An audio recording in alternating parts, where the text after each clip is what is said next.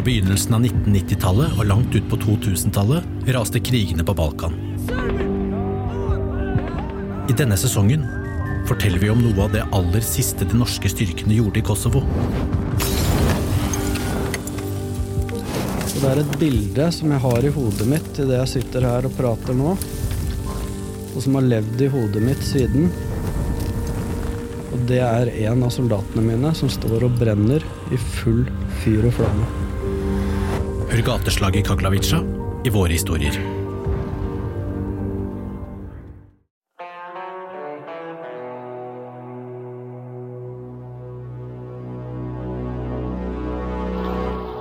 Dagens soldater har en krevende jobb. Miljøet de skal operere i, er noe av det mest stressende du kan utsette mennesker for. De skal ha mye kunnskap og prestere teknisk og stridsteknisk under press. Men setter vi egentlig soldatene våre opp på suksess for å bygge den nødvendige mentale robustheten? Har vi kompetansen, og forstår vi egentlig hva som skjer mellom ørene våre, og at det er minst like viktig som fysisk styrke og utholdenhet?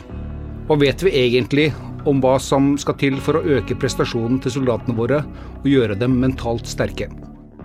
Min interesse for faget starta da vi som glade amatører begynte å bruke verktøy innenfor metalltrening fra idretten under trening, operasjoner og i kamp. Det ga svært gode resultater. Du hører på Klart til strid, en podkastserie om soldathåndverket og soldatlivet, med soldatene selv. Jeg heter Rune Wenneberg og har vært soldat i 33 år. I dag har jeg med meg kommandersersjant Christian Ytterbøl i studio. Christian er en erfaren soldat med bakgrunn fra Hæren og Kystjegerkommandoen. Han har deltatt på operasjoner i Bosnia, Kosovo, flere turer i Afghanistan og Midtøsten. I dag er han lærer i lederutvikling ved Krigsskolen. I tillegg til å være en erfaren kriger, er han også en durkdreven akademiker. En av de som både kan banke deg og argumentere deg i senk. Bachelor og master i coaching, og han har de siste årene jobbet med en doktoravhandling. Både hans militære liv og akademiske arbeid dreier seg om å få soldater til å prestere bedre, om blant annet mental robusthet og militær mental trening. Dette synes jeg er spennende, så vi planlegger med to episoder om dette temaet. Eh, velkommen eh, til oss, Kristian. Tusen takk, Rune. Durkdreven akademiker, ja. Durkdreven ja. akademiker. Ja, det er jo det. Jeg er kanskje blitt det. Du kan ikke skjule det lenger nå. Nei, det går ikke, det. Så uh, dette er en samtale jeg har sett frem til. Dette er et tema som uh, jeg vet du kan mye om, og som interesserer meg. Så, så jeg gleder meg. De fleste av oss forstår at vi trenger å lære soldatene våre å være mentalt robuste og få dem til å prestere optimalt. Å ikke sette soldatene våre opp på suksess har en altfor høy pris hvis krigen kommer. Samtidig er dette et fagfelt mange mener noe om, men som veldig få har fordypa seg i.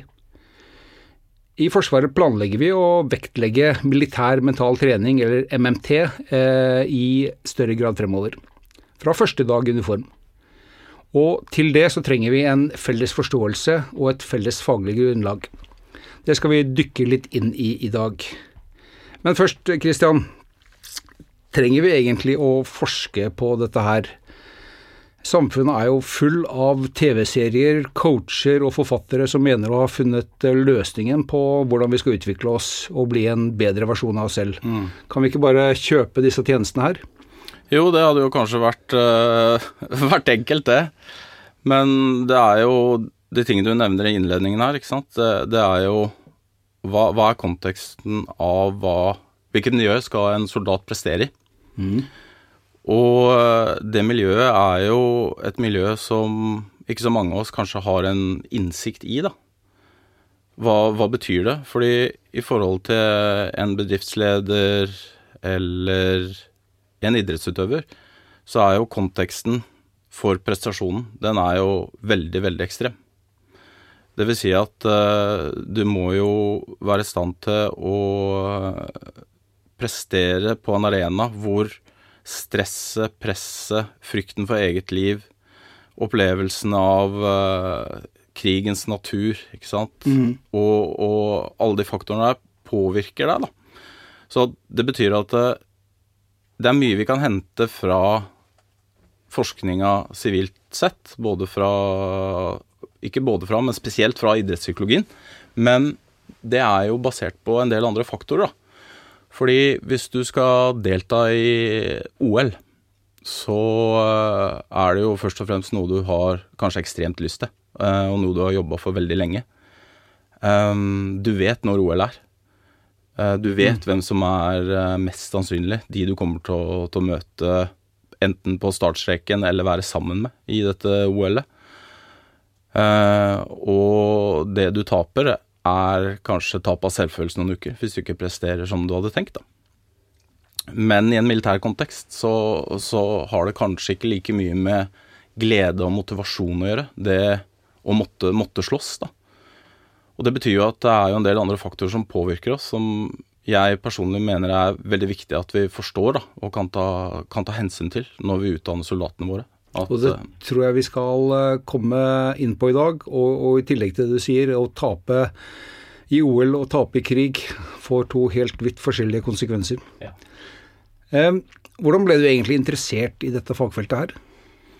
Ja, Det starta jo veldig tidlig, da. For tro det eller ei, så, så, drev jeg med mellomdistanse når jeg var eh, guttunge. Skulle man ikke tro når man ser på deg. Nei. Det, det, og jeg var, eh, var, veldig god også, da. Eh, så jeg har alltid hatt det sånn Jeg har ikke vært god i noe, egentlig, men jeg har hatt et veldig talent å trene, da. Så veldig sta, egentlig.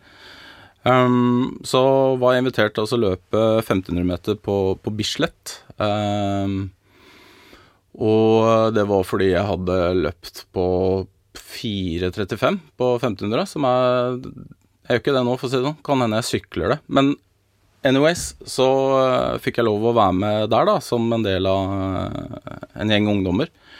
Og for første gangen da i, til da i livet, da, i 13 år, så kjente jeg på en sånn enorm frykt for å gjøre det dårlig, da. Jeg var, eh, sov ikke om natta. Mm. Um, og var stressa, nervøs, grua meg og hadde det egentlig helt forferdelig. Jeg hadde ikke lyst til å, til å være med på det i det hele tatt. Og det her er jo, det her er jo gamle dager, så fikk jo et brev i postkassa. ikke sant? Og når jeg husker det, liksom, når jeg så og leste det brevet, så ble jeg først veldig, veldig glad. Og så kjente jeg bare oh, shit, det her vet jeg ikke om jeg er klar for. Og min far, da, som uh, var fotballtrener da, og uh, tidligere yrkesoffiser, han uh, ga meg en bok og en kassett, faktisk, fra Willy Railo. 'Best når det gjelder'. og så Jeg tror ikke jeg leste så mye i den boka. Jeg bladde. Jeg husker det var bilder av noen nøkler og noen tilstander og noe sånt som jeg ikke skjønte så mye av. Men jeg satt på den kassetten, da på Walkmanen min. eh, de som ikke vet hva det er, får, får google det, så se hva vi hadde i gamle dager, da. Eh, og så eh, lå jeg og hørte på den, og da, da snakka han godeste Willy om det at du må tørre å tape for å våge å vinne. Og det, det husker jeg, det tok jeg til meg. Så lang historie kort, da, så stilte jeg på startstreken der, og jeg fikk eh, autograf i garderoben av Carl Louis, og liksom det var, det var, stort, da. Så jeg vant de første 100 meterne eh, på den 1500-meteren. Eh, sluttresultatet husker jeg ikke, men jeg husker at jeg klarte også å overvinne min egen redsel, da. Og det, fra det så har jeg alltid vært, vært opptatt av det, og så, så begynte jeg i Forsvaret. Og, eh, og, da fant jeg et sted hvor jeg følte jeg hørte hjemme, hvor jeg fikk brukt både fysikken min og den mentale kapasiteten min. Og siden det så har det egentlig vært en veldig stor, stor del av interessefeltet mitt. da. Eh, og så bygde det, bygde det, på seg, og fra forskjellige deployeringer da, så, så så jeg jo det at uh, det er noe med det her mentale faktorene. Noe, noe med den her eh, tause tingene som skjer, som ikke alltid er like lett å sette ord på eller forklare, men det har veldig, veldig mye å si, da. Uh, og når jeg kom til, til Kystjegerkommandoen, så fikk jeg mulighet til å begynne å studere det. Uh, for da var det en periode hvor avdelingen var hadde høy frekvens av stridshandlinger. Uh, og det da også dykke ned i det og se ok, hva, hva kan vi forstå rundt det her som gjør det at vi er i stand til å forberede oss best mulig? Hvordan kan vi trene på en måte som er kanskje litt smartere med den tiden vi har? Uh, og hvordan kan vi få det til å fungere under ekstremt stress? da? Så egentlig der liksom det starter. Og, og, det er det som er litt, uh, litt spennende med, med, det at du forsker på et fagfelt som du faktisk har praktisert. Mm. Og det tror jeg vi kanskje kommer litt inn på. Men altså, prestasjonspsykologi i militær kontekst, det er jo en munnfull. Mm. Kan du komme litt inn på hva det her er, og hva er det egentlig du forsker på? Mm. Fra Vi har jo idrettspsykologi, som er en veldig stor del. Og idrettspsykologi har vært uh, eh, forska på i ganske, ganske lang tid. Det er store fagmiljøer som ser på det. Fordi det er eh, ting er at det er mye penger i idretten. En annen ting er at uh, det er en veldig fin arena, da, uh, og spennende arena, for å se hva er det vi mennesker faktisk kan, kan få til. Prestasjonspsykologi er en litt sånn nyere underavdeling av, av, psykologi, da, hvor man ikke bare forholder seg til idretten, men man kan se på et, et, større, et større, spekter. Da. Altså hva er det som påvirker optimal menneske, menneskelig ytelse? Og uh, USA er jo veldig ofte tidlig ute med, med, mye, og det var egentlig der prestasjonspsykologien starta. Eh, og det, der starta det med også å se på det som også er munnfull. Altså se hva er disse taktiske populasjonene. ikke sant? Hva, hva er det i Forsvaret, eh, hva er det hos politiet, og, og, og hva skal til da for å prestere under ekstreme situasjoner. Og der er det en kombinasjon av masse forskjellige ting, men en del av det handler jo om evnen til å ta beslutninger. Eh, altså kognisjonen. En annen del er jo det å faktisk klare å få til det du har trent på. Mm. Så kombinasjonen av det sagt veldig enkelt, er prestasjonspsykologi i en militær kontekst. Men er, er det store forskjeller på eh, Altså kontekstene er jo forskjellige, mm. men gir, gir, det forskjellige resultater? Er det andre ting som funker? Ja, det, det, det er det jo. Altså prestasjonspsykologi er jo ikke noe du skal erstatte noe med. Så det er ikke sånn at eh, ok, nå vet vi så mye om hvordan kroppen og hjernen fungerer. Eh, vi vet liksom hvordan vi skal optimalisere treningen. Så det gjør at nå har vi kommet opp med dette her, sånn at nå kan du drive litt med noe sånn virtual reality, og så kan du visualisere litt, og så er du klarere enn noen gang. Sånn er det jo ikke. Det handler jo om at uh, vi må beholde håndverket og, og, være gode til å trene. Og så kan du legge til prestasjonspsykologi, mm. hvor du forstår mer av hvordan skal jeg trene for å bli best og hvilke individuelle faktorer er det som fremmer og hindrer meg i en skarp situasjon. Og det samme med team. ikke sant? Altså det teamet jeg har med meg. Hva er det vi må være klar over der? Og det går jo både på trening og forberedelser. Eh, det handler også like mye om hva som skjer i selve situasjonen. Og Der kan du si der, der stopper prestasjonspsykologien, og så etterpå så er det jo det som de fleste er kjent med, altså mer den kliniske delen, mm. delen av psykologien. da. Så prestasjonspsykologien for meg da, det tilfører, tilfører en ekstra dimensjon med at vi tenker på treninga og prestasjonen. Og så har vi blitt ganske gode, veldig gode vil jeg si også, på den kliniske delen. Og da har vi plutselig et, et system da, hvor vi kan se oss selv i en helhet med trening, forberedelser, selve oppdragene, kall det prestasjonen, og hvordan vi skal integrere oss selv etter ekstreme hendelser etterpå. Nå, nå, har jo Vesten vært i mer eller mindre konstant krig og konflikt siden eh, 2001. Mm. Er, er det forska mye på dette her i militær kontekst? Det blir mer og mer, eh, men det jeg ser er jo at eh, det er jo en mangel på forståelsen av det. Eh, det vil si det å integrere prestasjonspsykologi i den konteksten det skal gjøres i. Fordi det er ikke noe som vi i utgangspunktet skal bruke veldig mye tid på et klasserom. ikke sant? Påføre mer teori. Eh, det er veldig viktig å forstå en del om hvordan kroppen og hjernen fungerer sammen, som vi skal snakke litt om i neste episode. Men det viktigste er å kunne integrere treningsprinsipper og metodikk på den arenaen mm. hvor soldatene våre er og gjør.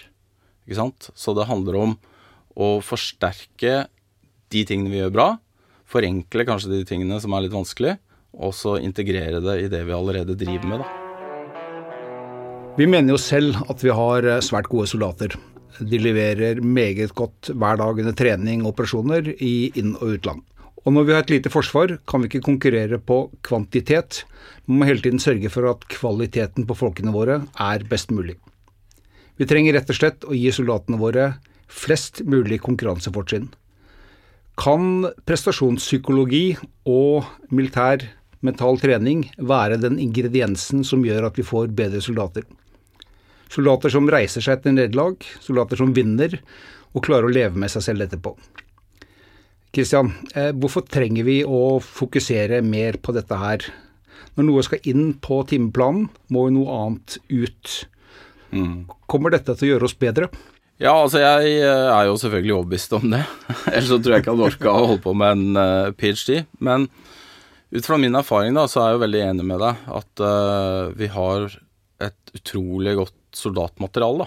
Uh, og det å se vår kultur og vår egenart i denne konteksten, det, det er utrolig viktig, da. Fordi ja, det er masse forskning gjort her og der på utenlandske avdelinger, på mye større populasjoner. Og da kan det være veldig, veldig fristende å overføre det til en norsk kontekst. Men alle som har uh, vært ute noen vinternetter og jobba med allierte, vet det at uh, det er ganske stor forskjell på hvordan vi samhandler, og hvordan andre samhandler. Større enn man skulle tro. Ja, det er det. Og, og jeg tror jo veldig på det, det, at mennesket er den største ressursen vi har. Da. At de ungdommene som, som, kommer inn i dag Jeg ser på de som talenter. Da. Og jeg tenker at vi må utvikle de som talenter. Og det betyr det at eh, da må vi forstå hvordan vi lærer best mulig. Og det å bygge da den enkelte soldat så at de har en, en, trygghet og har det initiativet som ligger til grunn for oppdragsbasert ledelse. Mm. Fordi jeg mener at hvis ikke vi får til det i praksis, så får vi det heller ikke til når vi skal gjøre dette her. ikke sant? Så du kan ikke si på den ene siden at eh, ja, vi har eh, kjempebra soldater. Eh, vi må også tørre oss å gi de forutsetningene til å ta disse individuelle beslutningene. Og det må trenes på. Du, du må trene på å tørre å ta valg.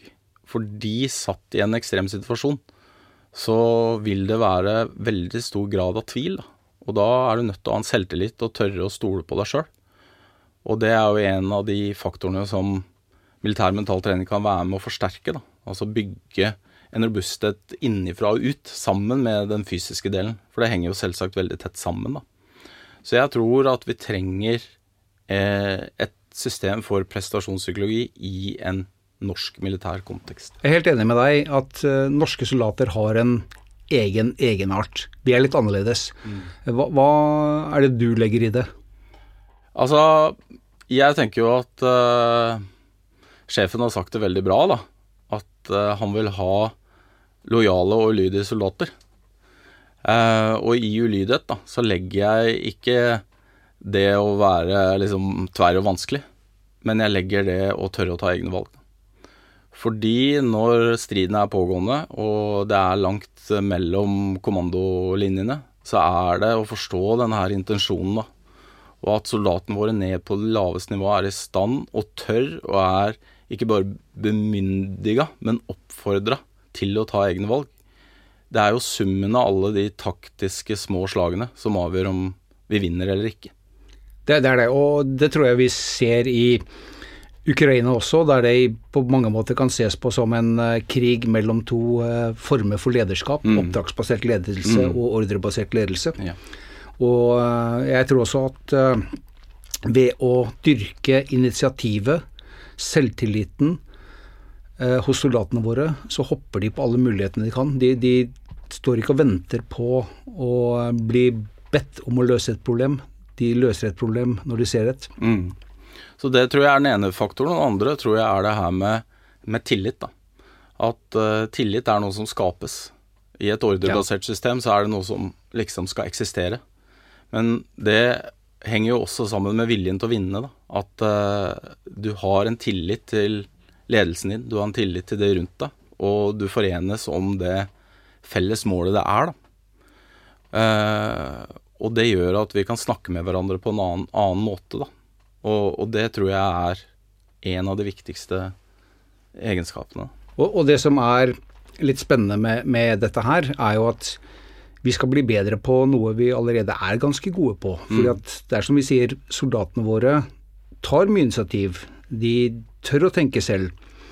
Uh, og Det betyr jo ikke at vi skal hvile på laurbærene, men, men, nå skal vi altså klare å gire om og gjøre det enda bedre. For jeg tror i hvert fall at vi har et uh, enda større potensial i de flinke folka vi har. Mm, det er jeg helt enig med deg. Og det er jo som vi snakka om det her, ok, hva, hvordan skal det integreres, da? Ikke sant? Hvorfor skal vi gjøre det? Um, og skal vi ta noe ut av timeplanen? Og jeg mener jo at uh, det skal vi absolutt ikke. Men det handler om kanskje gjøre treninga vi gjør i dag enda litt smartere så vil det jo være en forskjell på vernepliktig trening og hvordan konseptet er der for prestasjonspsykologien. Det vil være annerledes for For vi skal drive med dette her, mener du, med vernepliktig òg? Ja, absolutt. Uh, jo før, jo, jo heller. Helt. Uh, og da handler det jo ikke om å optimalisere prestasjonen til å begynne med, men da handler det om gjennom å legge til rette for eksponering og læring. At de allerede da begynner å få en forståelse av Ok, hvordan funker jeg under, under, press? Hva er det som jeg som individ må ha fokus på? Hva er det vi som gruppe kan, kan ha fokus på? Og hva kan jeg gjøre med meg selv for å være i stand til å ta en best mulig beslutning, eller prestere best mulig? Så sagt på en annen måte så er det jo det at uh, de vernepliktige, de skal jo lære en profesjon godt nok til å være i stand til å prestere når, når det trengs. Og det betyr jo at uh, det er jo veldig mye i prestasjonspsykologien som ser på det her med motorisk læring og utvikling, f.eks. Ja. Uh, og det er veldig stor forskjell fra å ligge på en skytebane og skyte på en papplink, og skyte på bevegelige mål som er mennesker under ekstremt stress, hvor du er trøtt, sliten og, og alt det her. Og det vet vi veldig mye om, hvordan det påvirker oss. Og da tenker jeg da er det ganske nyttig også å kunne ta en del av de tingene vi vet noe om, da og, og lære opp soldatene våre til å forstå at sånn er det. Dette her er de tingene vi kan faktisk gjøre noe med. Og det å ha en opplevelse av at selv i en ekstrem situasjon, så er det enkelte faktorer du faktisk kan kontrollere hos deg sjøl, så vil du være i større stand til å, til å gjøre de rette tingene, da. Uh, og det gjør jo at uh, konseptet er, er, helhetlig, da. Og det er også differensiert i forhold til hvor i, i linja du er, da. Hvor, om du er vernepliktig eller profesjonell eller elitesoldat. For, for det man ofte glemmer, er jo at hvis krigen kommer til Norge, så er det altså de som er inne til førstegangstjeneste som skal slåss mm. i fremste linje. Mm. Vi har altså ikke nødvendigvis tolv måneder pluss å forberede soldatene våre på krigen. Mm vi, vi, må starte tidlig. Vi må trene riktig fra dag én og gjøre de raskest mulig best eh, forberedt. Mm. Og jeg tror jo at uh, hvis vi tar det humanistiske perspektivet da, og, og tenker det at uh, disse er mennesker som innehar masse ressurser og kan lære. Så én ting er jo det hva som skjer isolert i førstegangstjenesten, men jeg tenker også det er en positiv del hva de kan ta med seg videre ut i livet. da. Ja. Um, og, og, det å, å lære seg å håndtere stress, press og frykt, det er ikke noe du kan gjøre i et klasserom. Så vi trenger de samme arenaene. Vi trenger enda mer det å være ute i skogen og oppe i trærne. Og lære seg å håndtere denne eksponeringa for det militære domenet å prestere i. Og gjennom det så vil de jo bli mer robuste fordi de ser at ok, jeg klarer dette, dette går. Da får du en selvtillit. Mm. Og hvis du da i tillegg til den selvtilliten hjelper dem med å forstå en del enkle prinsipper av hvordan du kan håndtere deg sjøl, så vil jo det være en gjensidig forsterkning da, på, på den treninga vi allerede gjør. Så det holder ikke bare med en Walkman og en kassett? Nei, det gjør ikke det, altså. Det må, må litt mer til. Litt mer til ja. Hva slags prinsipper eh, mener du vi bør bruke for å bli gode på dette her? Jeg tenker at uh, vi må snakke om det her med Litt om det her med motivasjon, som jo er en veldig stor del av idrettspsykologien som vi er inne på. Mens i en sånn ekstrem situasjon, da, så er det kanskje ikke motivasjonen du skal, skal lene deg på, men heller en aksept for at det er noen ting jeg kan påvirke. Altså jeg kan påvirke hvordan jeg tenker. Jeg kan i veldig stor grad påvirke hvordan jeg føler det. Og jeg kan i veldig stor grad påvirke hvordan jeg håndterer det jeg kan gjøre noe med. Og det å lære seg det, og sjalte ut de faktorene du ikke kan påvirke, det gjør jo at den opplevde graden av kontroll er større. Mm. Og det å utvikle den aksepten for at vet du hva, akkurat nå så er det ganske kjipt og, og leit, eh, men det å være stusslig, det, det, er et valg, da. Eh, men det å være konstruktiv og faktisk påvirke min egen situasjon i nuet, det er noe du kan.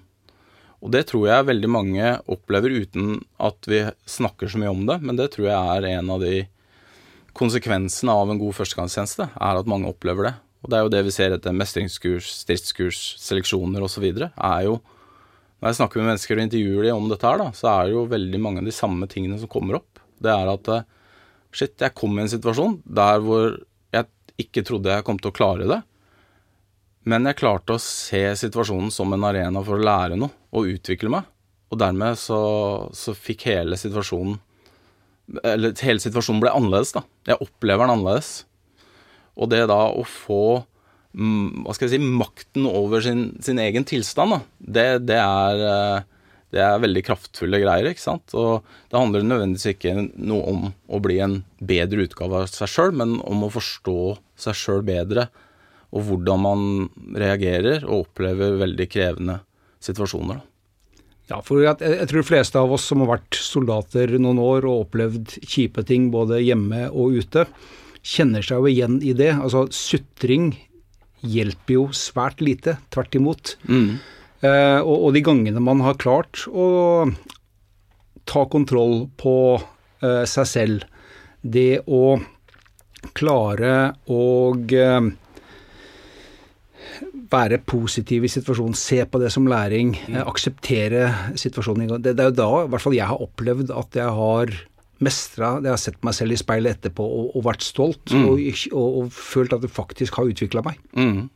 Og vi må, tror jeg da, må hjelpe soldatene våre å komme til det punktet der hvor de kjenner på den frustrasjonen da, under trening. For hvis vi ikke gjør det, så feiler vi. Fordi det betyr at eh, når krigen kommer, da, som jeg lærte når jeg var i førstegangstjenesten, så må, så må du være klar, da.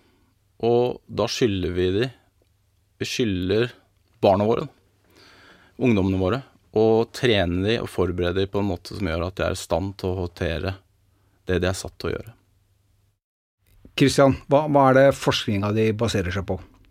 Veldig enkelt så baserer det seg på å sjekke ut hva er det som funker av den teorien vi har fra før, i en norsk kontekst. Og det betyr at uh, den forskningen som er eksisterende, den har jeg lest gjennom og forstått. Og så har jeg satt uh, lagd intervensjoner. Altså jeg har lagd treninger hvor jeg da gjennomfører treninger, og så intervjuer jeg om opplevelsen av denne treningen etterpå. Hvem er det du har fått uh, forska på? Jeg har forsket uh, både på den konfesjonelle delen og en del på Forsvarets spesialstyrker. Og det er for at vi må begynne med de aller beste.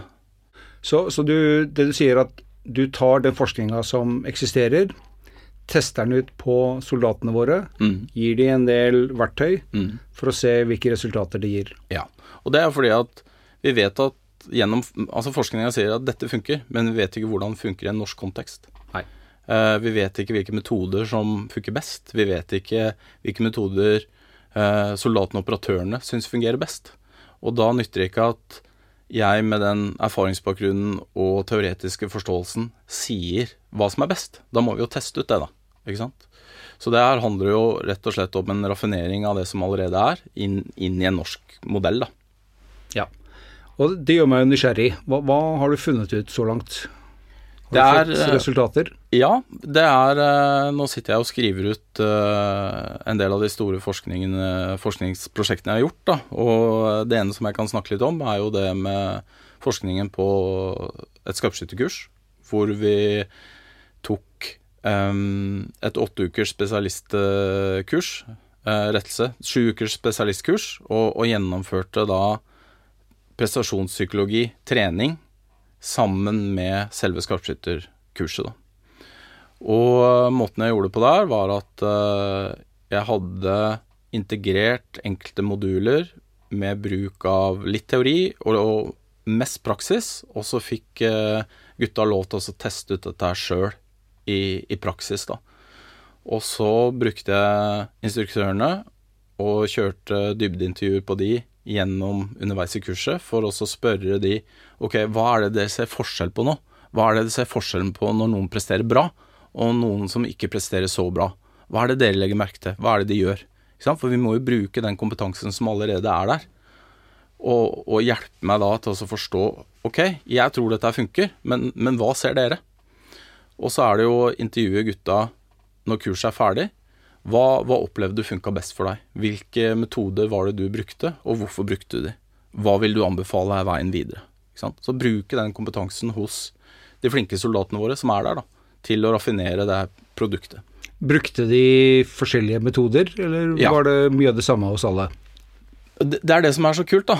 At jeg har jo min forforståelse av at uh, dette her liker jeg best. F.eks. jeg er veldig glad i, i pust og visualisering. Um, og noen brukte det, mens andre brukte da f.eks. veldig mye det her med å sette seg kortsiktig mål for uh, å klare å prestere, og mye av det som vi kan kalle veldig enkelt da, selvsnakk. At de mm. I en prestasjonssammenheng da, så er det veldig lett at når du kjenner på tvil og usikkerhet, så er det jo veldig lett at vi snakker oss sjøl litt ned.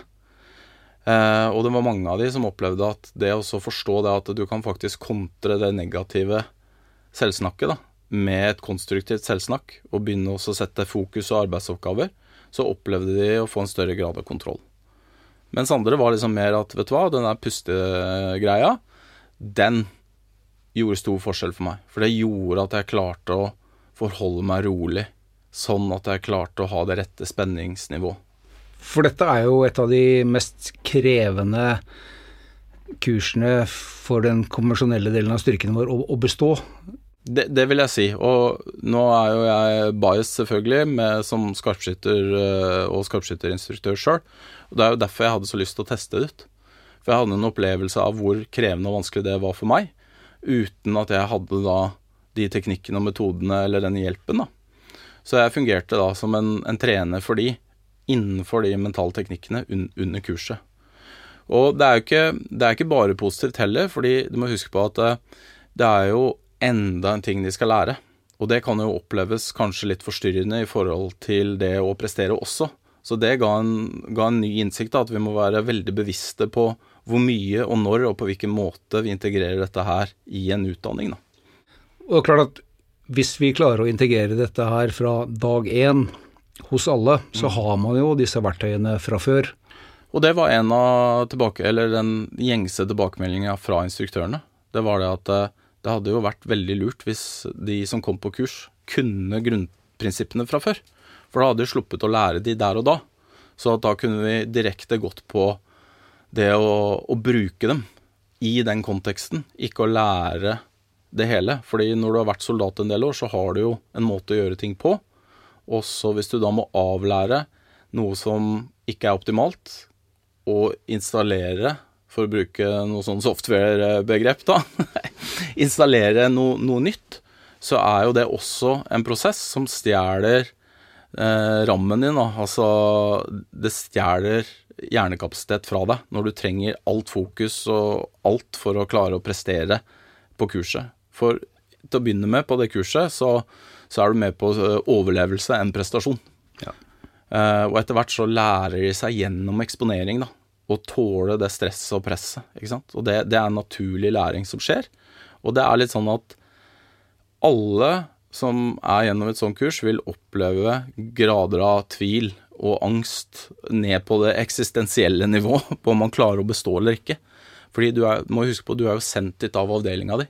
Ikke sant? Så det er et press på deg fra før. Og så I tillegg så kommer det andre presset, og så kommer det at eh, du kan ikke ha en dårlig dag. Har du en dårlig dag, så er du ferdig. Det nytter ikke. Så du må prestere på topp hver eneste gang. Og var det mange som eh, klarte å bestå kurset denne gangen? Det var 100 eh, bestått på, på, det kurset her, og uten at jeg husker sånn helt nøyaktig, så, eh, så er det først, det, er, det er i hvert fall første gang at 100% er bestått. Og så skal jeg på ingen måte ta uh, all æren for det, for det, det er mange andre faktorer òg. Men av hva jeg har analysert så langt, da, så er det veldig tydelig at uh, det å integrere militær mental trening underveis, det, det, har en veldig stor effekt. da. Det blir, uh, det blir spennende å følge utviklinga av både forskningen din og ikke minst vår evne til å implementere mm.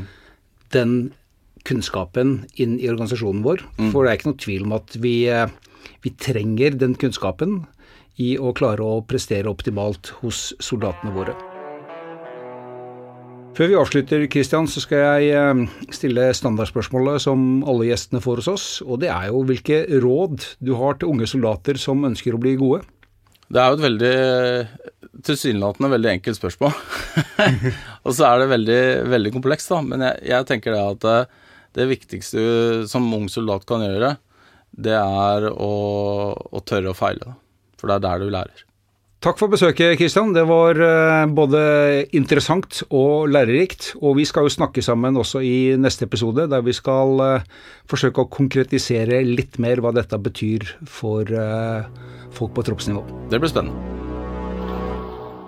Hvis du har spørsmål eller temaer du er nysgjerrig på, send meg gjerne en mail på rvenneberg.mil.no, så skal vi se om vi kan lage en episode om nettopp det.